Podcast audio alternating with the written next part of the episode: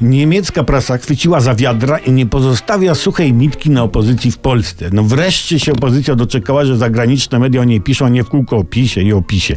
Pisząc o głosowaniu w Sejmie nad projektem ustawy o liberalizacji ustawy antyaborcyjnej, gazeta w Niemczech twierdzi, że opozycja w Polsce sama się rozmontowuje. No bo faktycznie opozycja jakoś ostatnio nie idzie, a, a to ostatnie głosowanie było takim, no arbuzem na torcie.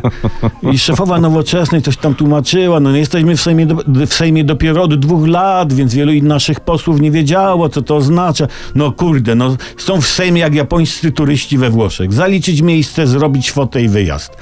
Dlatego PiS powinien złożyć w Sejmie konstruktywne wotum nieufności wobec opozycji, bo tak, konstruktywne wotum nieufności wobec rządu polega na tym, że jeśli to wotum przejdzie, to partia, która je zgłasza, przejmuje władzę, rządy. W przypadku wotum nieufności wobec opozycji, a takie przejdzie w Sejmie, władzę w opozycji obejmie Jarosław Kaczyński. No i opozycja troszeczkę odżyje. Albo i nie, no bo wiele osób w proteście opuści partii opozycyjnej i zapisze się do PiS, nie?